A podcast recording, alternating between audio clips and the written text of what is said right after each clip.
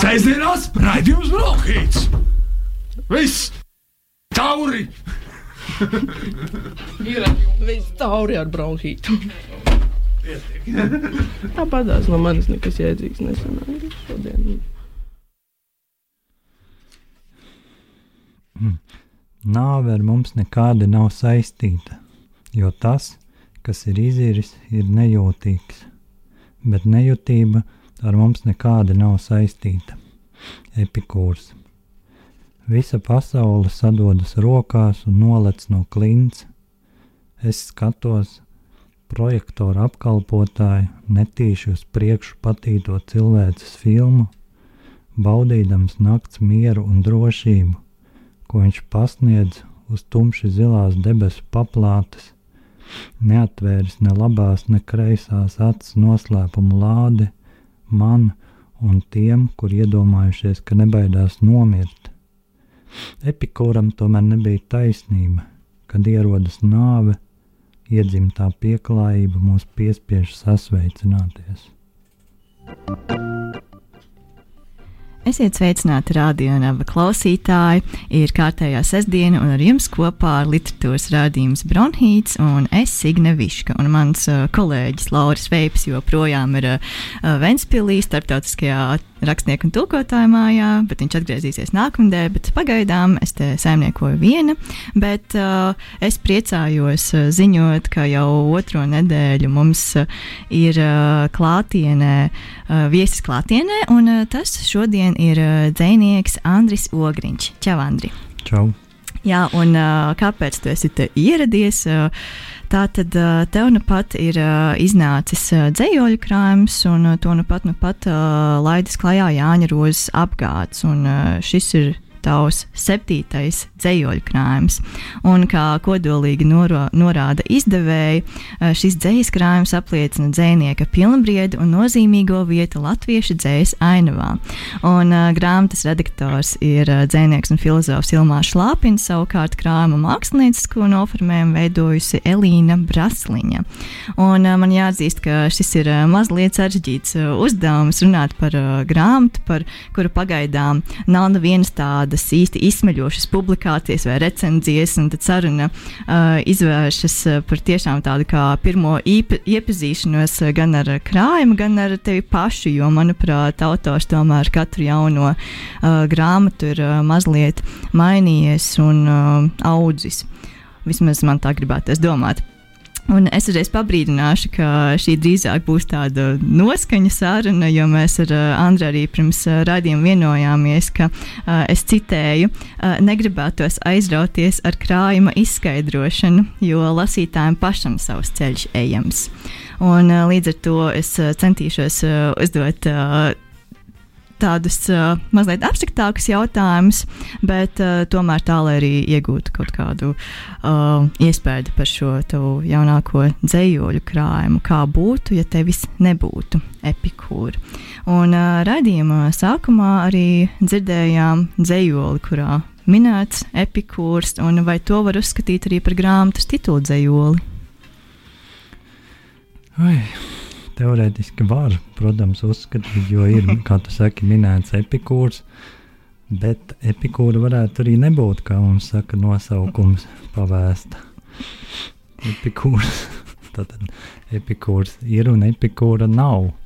Un epikūrs vispār bijis ļoti interesants filozofs, manuprāt, sengrieķu, no kura līdz mūsdienām nonākuši varbūt kā 20% viņa sarakstītā kas atzīti par cienījumiem pārrakstīšanai.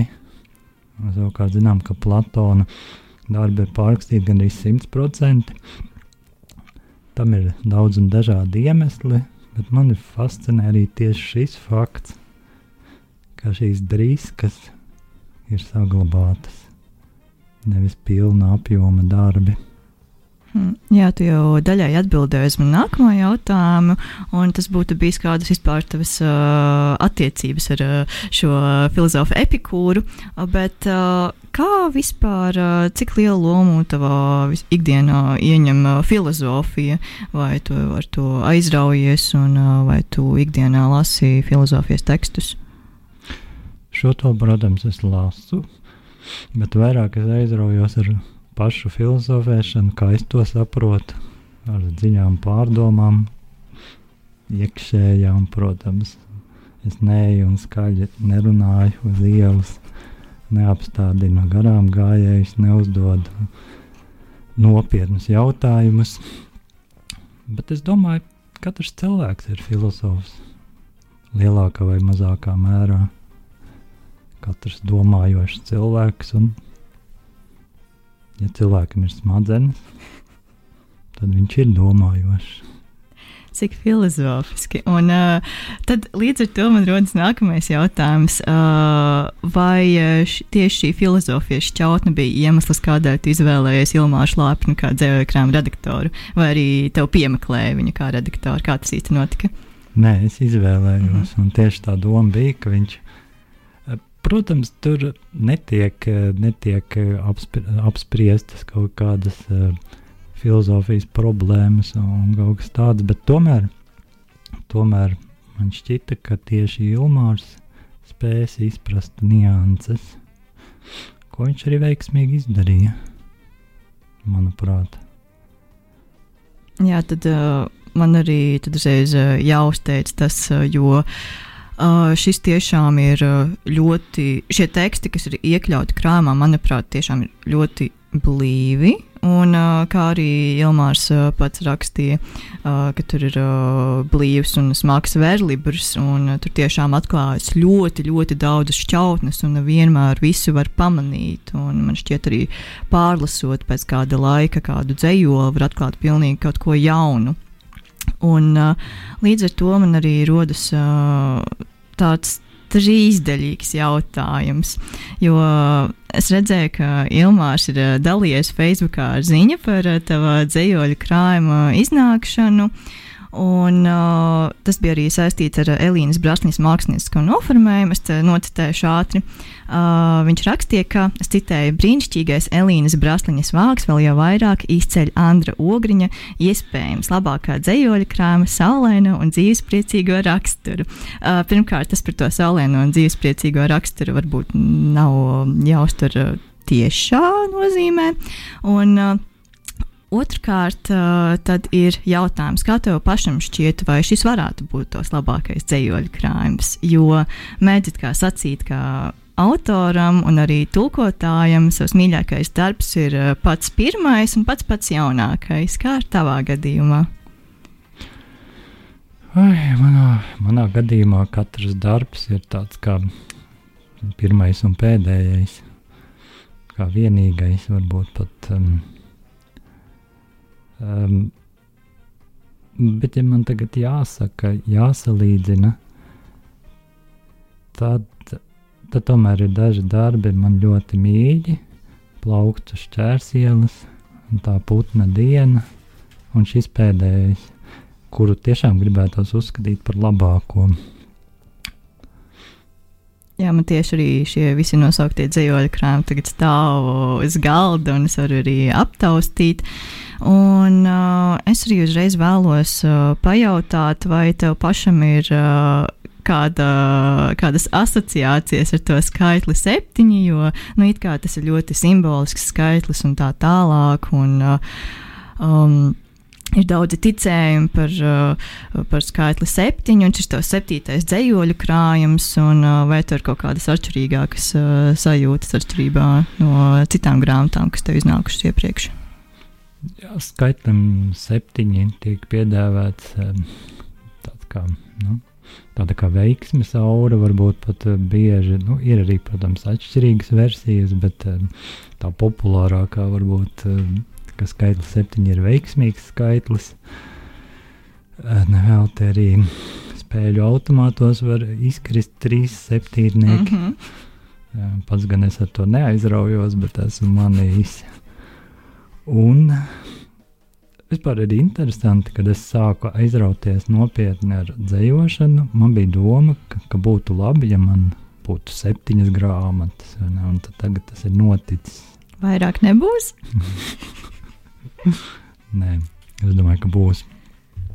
Pēc tā izskatās. 300 tā kā epikūram. Ai, ai, ai, tik ilgi es nedzīvošu. Visticamāk.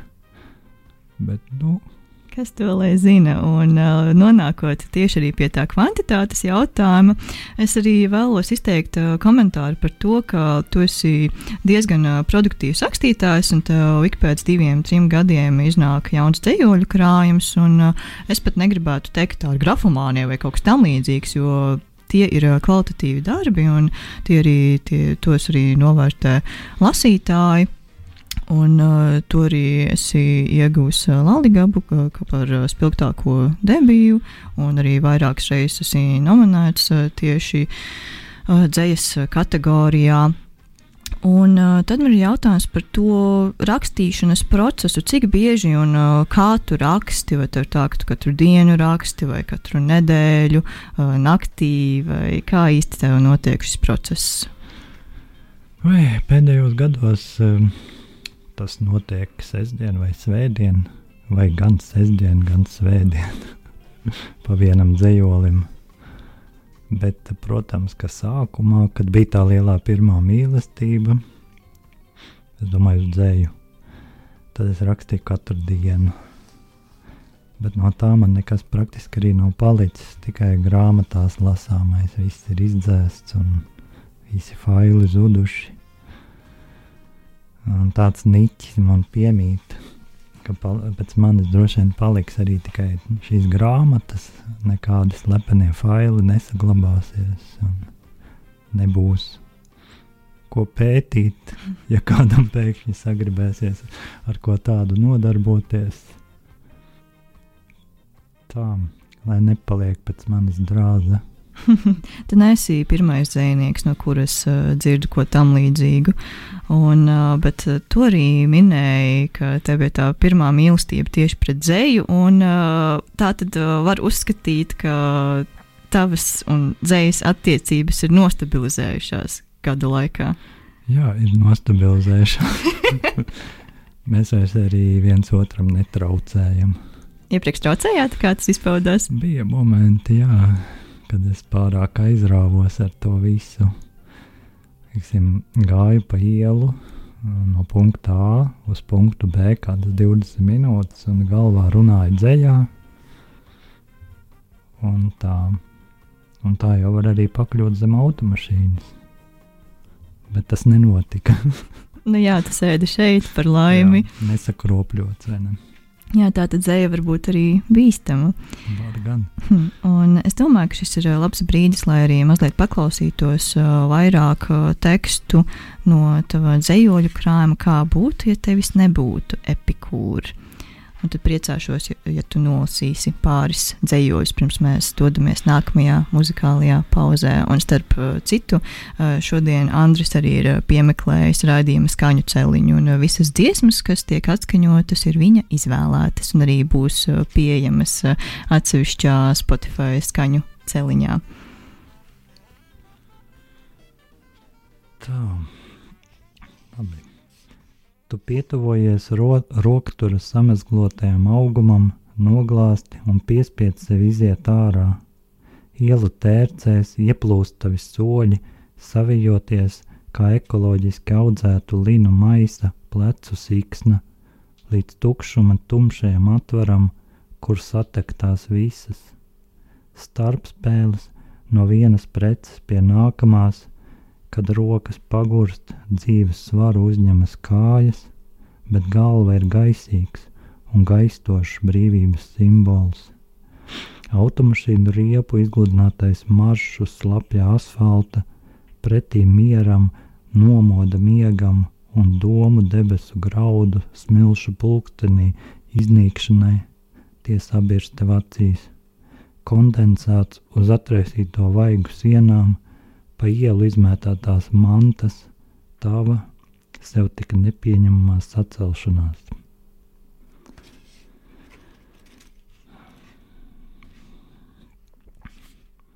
Netālu no pilsētas jumta šriftā apdrukātās mapītes, pludmales un jūras gaismas saķeras elkoņos, plezīrā gar robežas vijīgo līniju. Pa to laiku tu atvērtajā lido ēd bifšteku un sarunājies ar mani par koku elektromagnētisko lauku.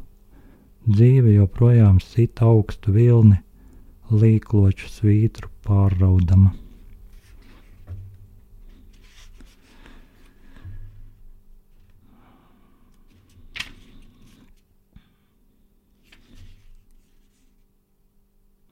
Viņi sadalās pāros un nostājas ierindā, atreferē nostāju, iezīmē atrašanās koordinātas ar stipru noslēgumu vārdu, rupju, pieklājīgu, jūsmīgu, indiferentu.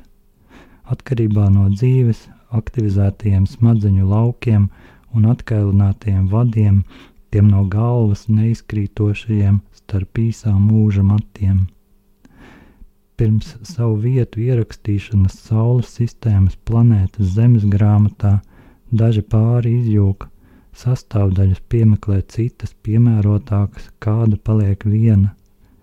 Tad aizsākas haotiska kustība. No debesīm krīt vadītāji degošie mati, un lielākā daļa vādu krāsainā metāla izkūst pārtapdama tumšā sārņainā masā. Visi neatgriežas, paliek vakanti daudzi, jo daudzi X un Y krustpunkti viņi atkal sadalās pārvas inline, un spēle sākas no jauna. Sēžamās raidījums Brokhīts! Viss! Tauri!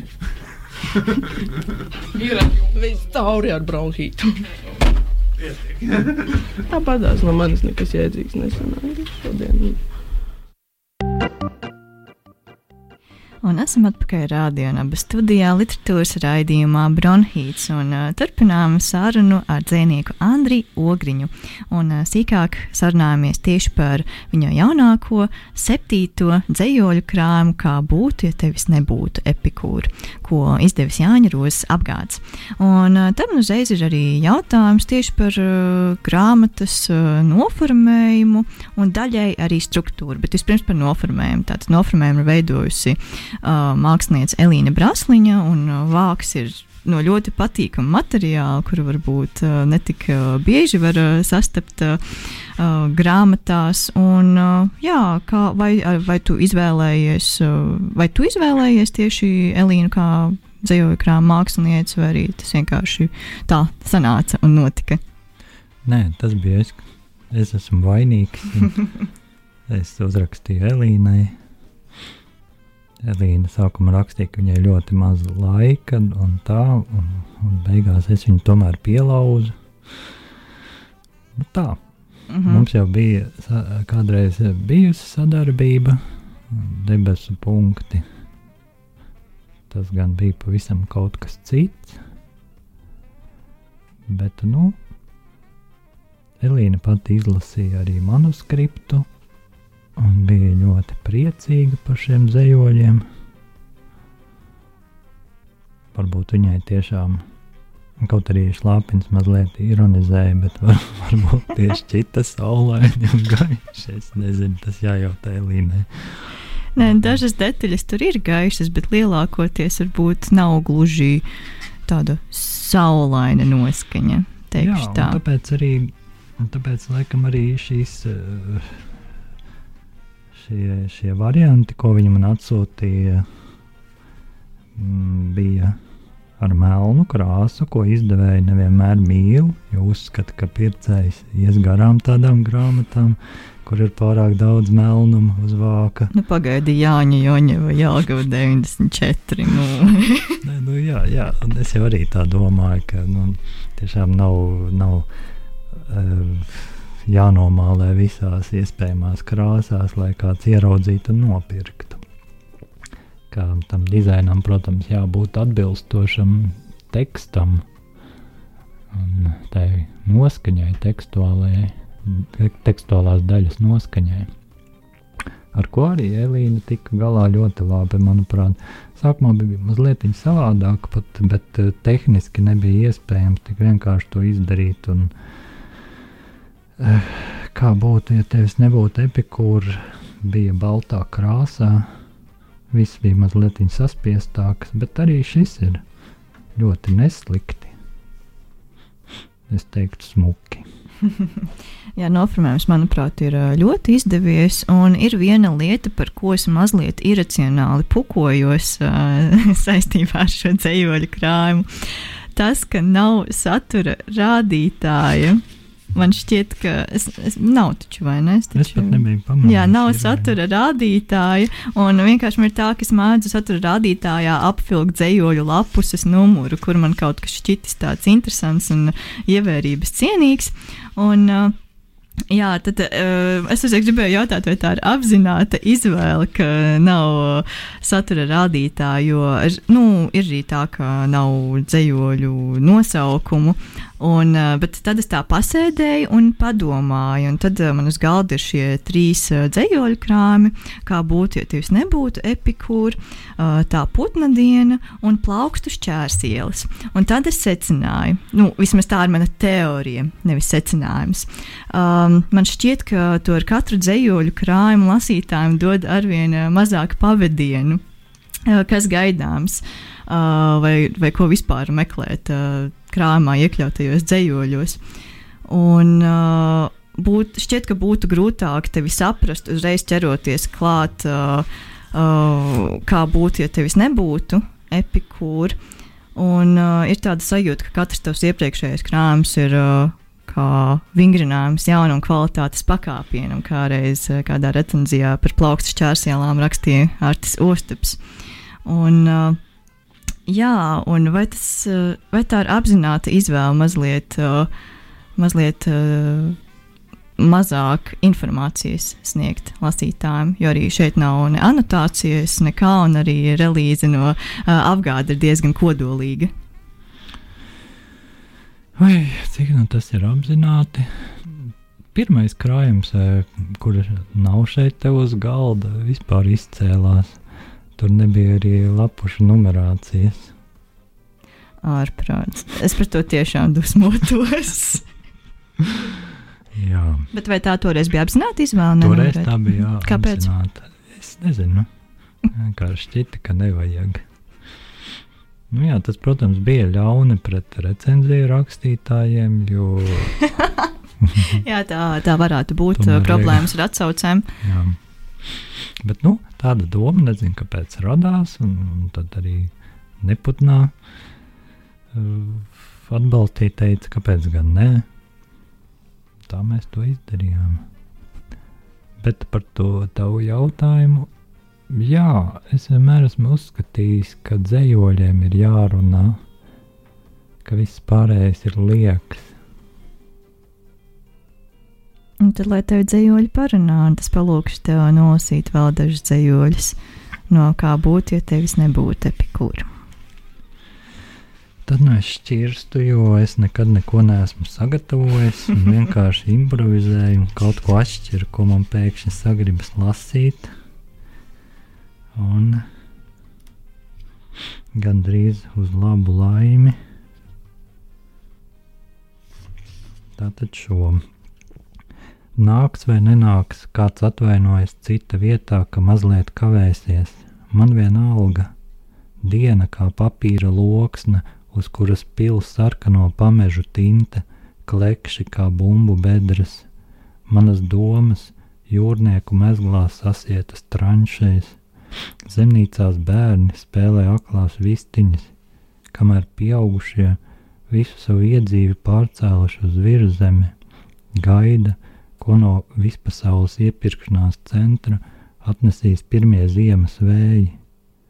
Migla patīkami notušē apkārtne, pielaiz asos stūrus, izceldama palsajā gaismā sievišķos izliekumus, bet koku vārpas nobriedušas pļaujai arī gaida. Mana vienaldzība paceļ roku, nolaiž, var sākties.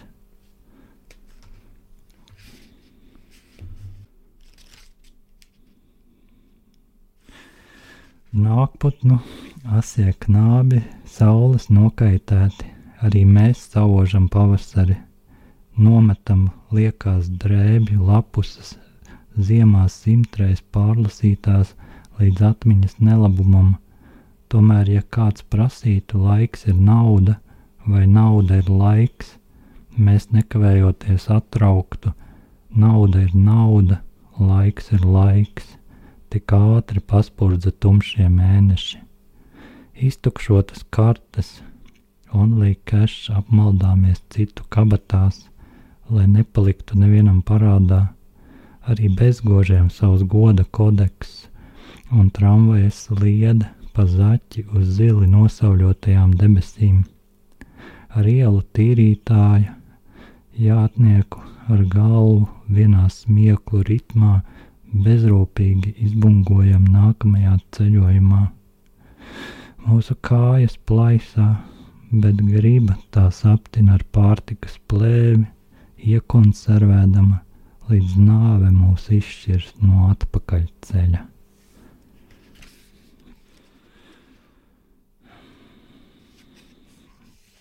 Pirms uzrāpties decembra mākonī, ar pirkstu skabargām rūpīgi izķemmē matus, divas melnas sejas, apvelk Krišāna barona pieturai īsu sliedi, apturot dainu skapi, līdz atveras durvju stikloti aizskari, izkāpj. Izdalot braukšanas kartes, kaudzītē sakrājas pelēki krusti un vieninieki kad trotuārs pārnakšņoja. Apsaitējis sagriezto dēlnu ar lūkšanu, tu pāršķel 1893. gadā uzslietās ēkas čaumalu, kreisās acis zobi atdara tās kodolu, iztek mazie cilvēki tecēdami. Barona centrā sazinās kases automāti, ēst, dzert, priecāties – jo pilsēta ir papēdis, ko sadzels pirmā izzobotā lauska. Sviests tavu franču bageti aprī. Trešais siekalu sodrējiem slacītais ģīmis rāda pēc sava tēla un līdzības, tad izvelk no kabatas pasaules pulti un izslēdz. Tava roka meklē piedziedājumu, nepacietīgi mīņājas kabatā, atmosfēras spiediens drupina debesu pakāpienus. Nevainojami balta parādās ceturtā.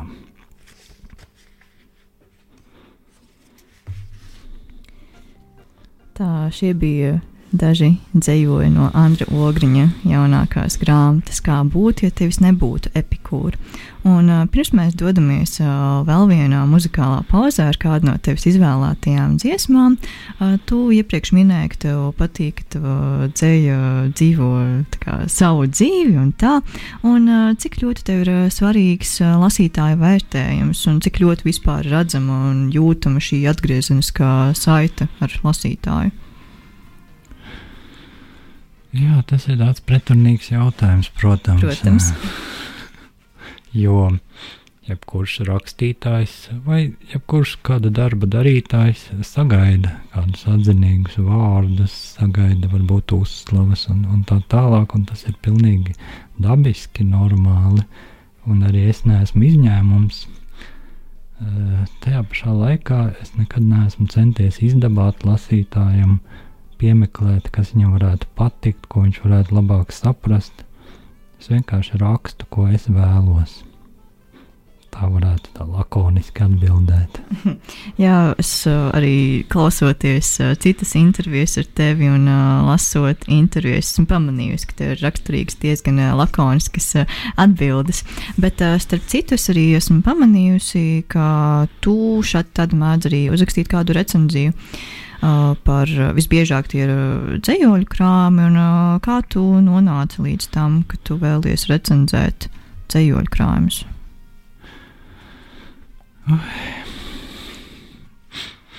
Vai arī tu vienkārši piedāvāji, tu pateici jā?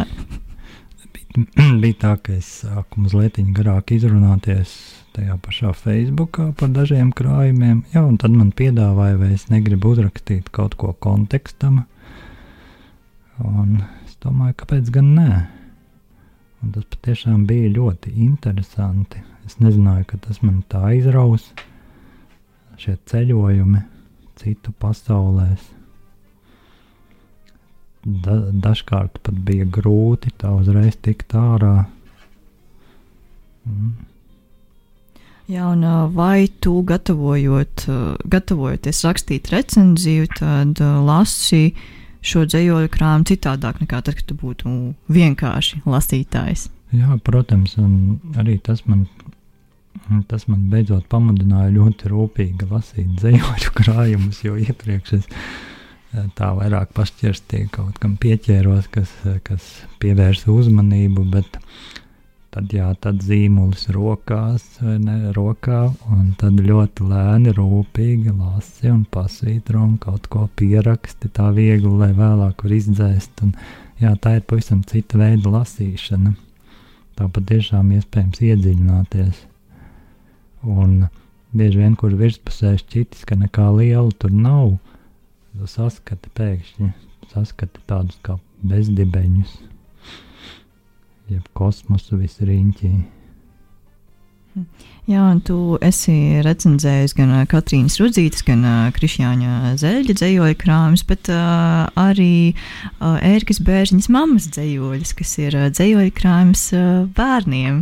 Un, uh, kā, bija, kā tas bija salīdzinot uh, ar uh, it kā pieaugušo dzēju? Jā, tā, tā, tas nu bija citādi, protams. Uh, pavisam citādi. Nu, bet lasot, es atcerējos savu bērnību.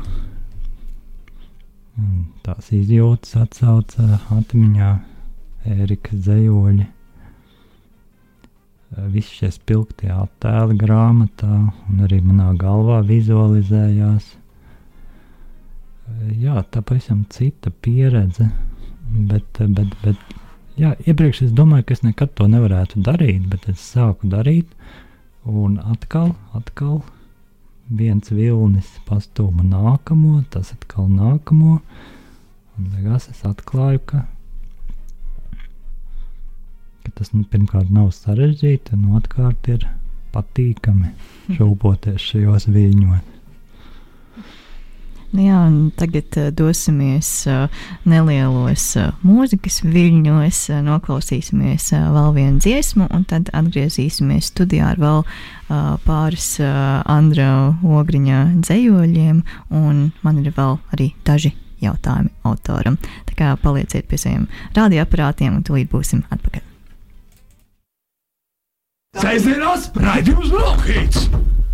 Viss! Tauri! Ir viss tauri ar bronhītu. Tāpat tās no manis nekas jēdzīgs nesanāca šodien. Saule piespīdējusi acis, neatstādama nevienu tumšu kaktu, skaidri redzami putekļi, kā sodrēji no nemitīgi sadedzinātajiem attēliem. Nav jēgas ņemt slotu, lupatu, drīzāk naglu no Jēzus godīgi pastieptās plaukstas. Var gadīties, ka tad vairs nekrāsies, tikai jautājums, ko pasākt ar prātu, ar būtību, ar neizvēlētās piedzimšanas aktu. Varbūt līdzētu Jēzus laipni pasniegtais ogļu gludeklis, smadzeņu kroku izlīdzināšanai, lai domas neaizķeras, slīd tālāk un projām, kā lietus lāsas pa nevainojamu līdzenu virsmu, vai sabučoties ar zemes pievilkšanas spēku. Ak, ja mani kāds tā spētu pievilkt, iesūkt sevī un neizlaist laukā no smilšu graudiņu kameras, no pīšļiem un putekļiem visi mēs ņemti. Cītīgi meklēju tumsas viskoncentrētāko punktu, bet mans draugs Jēzus spīdina kabatas lukturīti, un man nav kur likties. Jā, es viņu mīlu, kā var mīlēt nekad nesatiktu cilvēku, zinot, kaut arī līdz galam neizprotot, ka viņš visiem izdarījis lielu pakalpojumu nomirdams. Kā es vēlētos atdot savu dzīvību par daudziem, pēcāk piedzimt no jauna, ērti iekārtoties pie pasaules ekrāna, bezmērķīgi pārslēgt kanālus, tomēr cerot, ka pavisam negaidot trāpīsies īstais un ieraudzīšu visa pastāvošā īsteno seju, bez neskaitāmajām maskām un kosmētikas, iespējams, vispār bez sejas.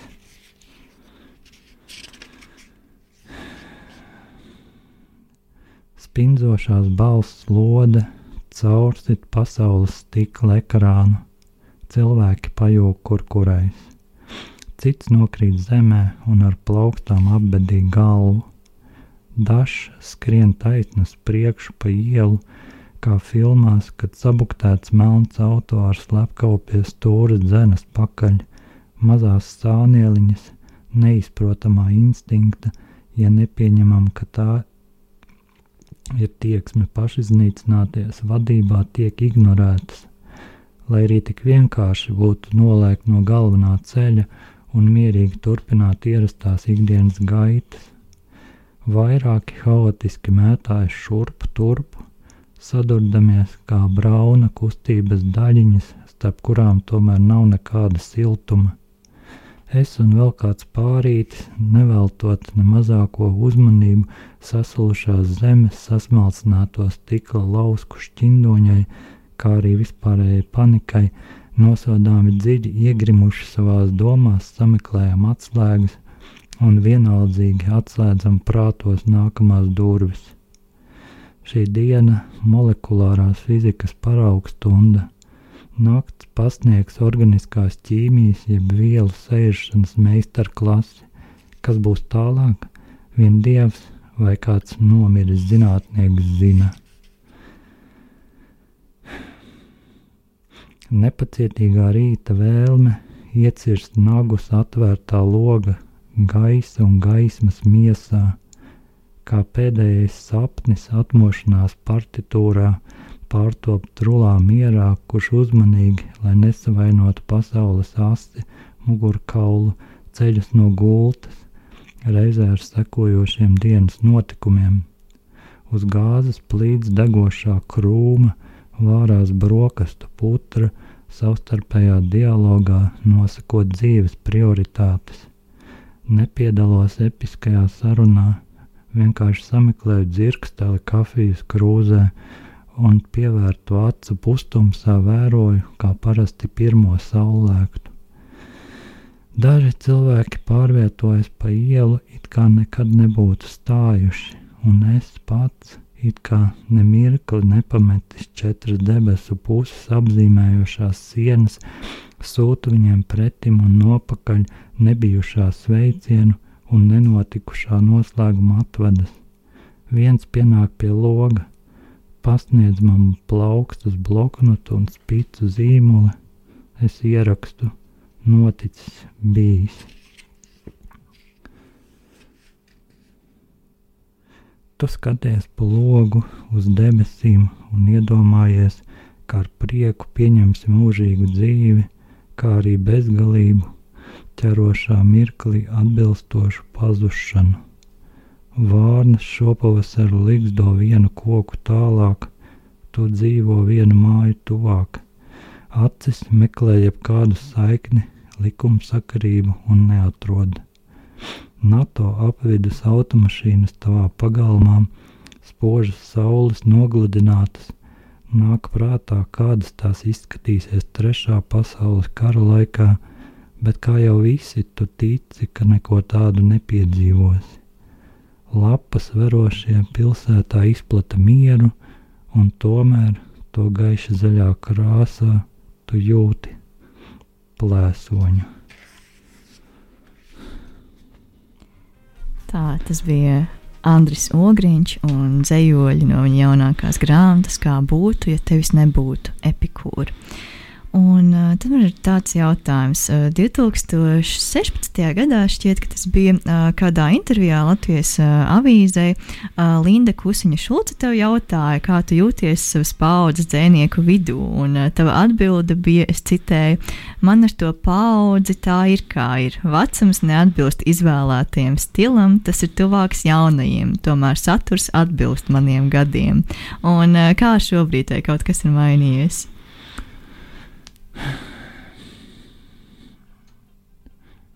Jā, tas ir, tas ir sarežģīts jautājums, vai kaut kas ir mainījies. Eh, nav sarežģīts, jo kaut kas mainās vienmēr. Un, un no tā neizbēgt, bet par šīm paudzēm.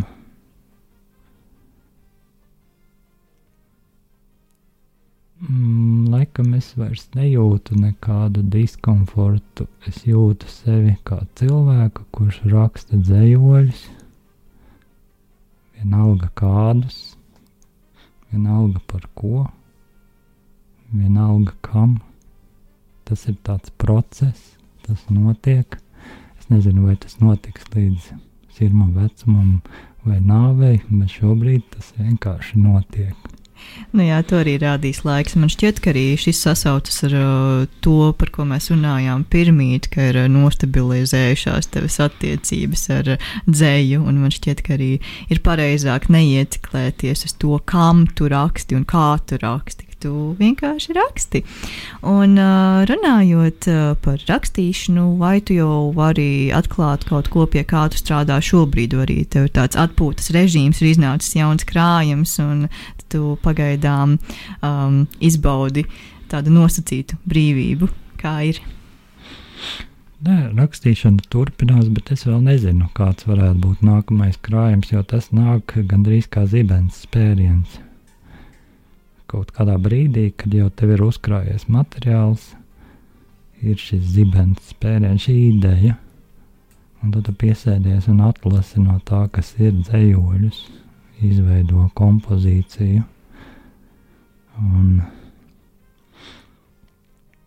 un jūti, un tad atnāk arī uzreiz nosaukums. Nu, tad uh, gaidīsim šo jauno zibens spērienu, dosim tev mazliet laika un pagaidām, lai uh, lasītāji aprod pie kā būtu, ja tevis nebūtu epikūra.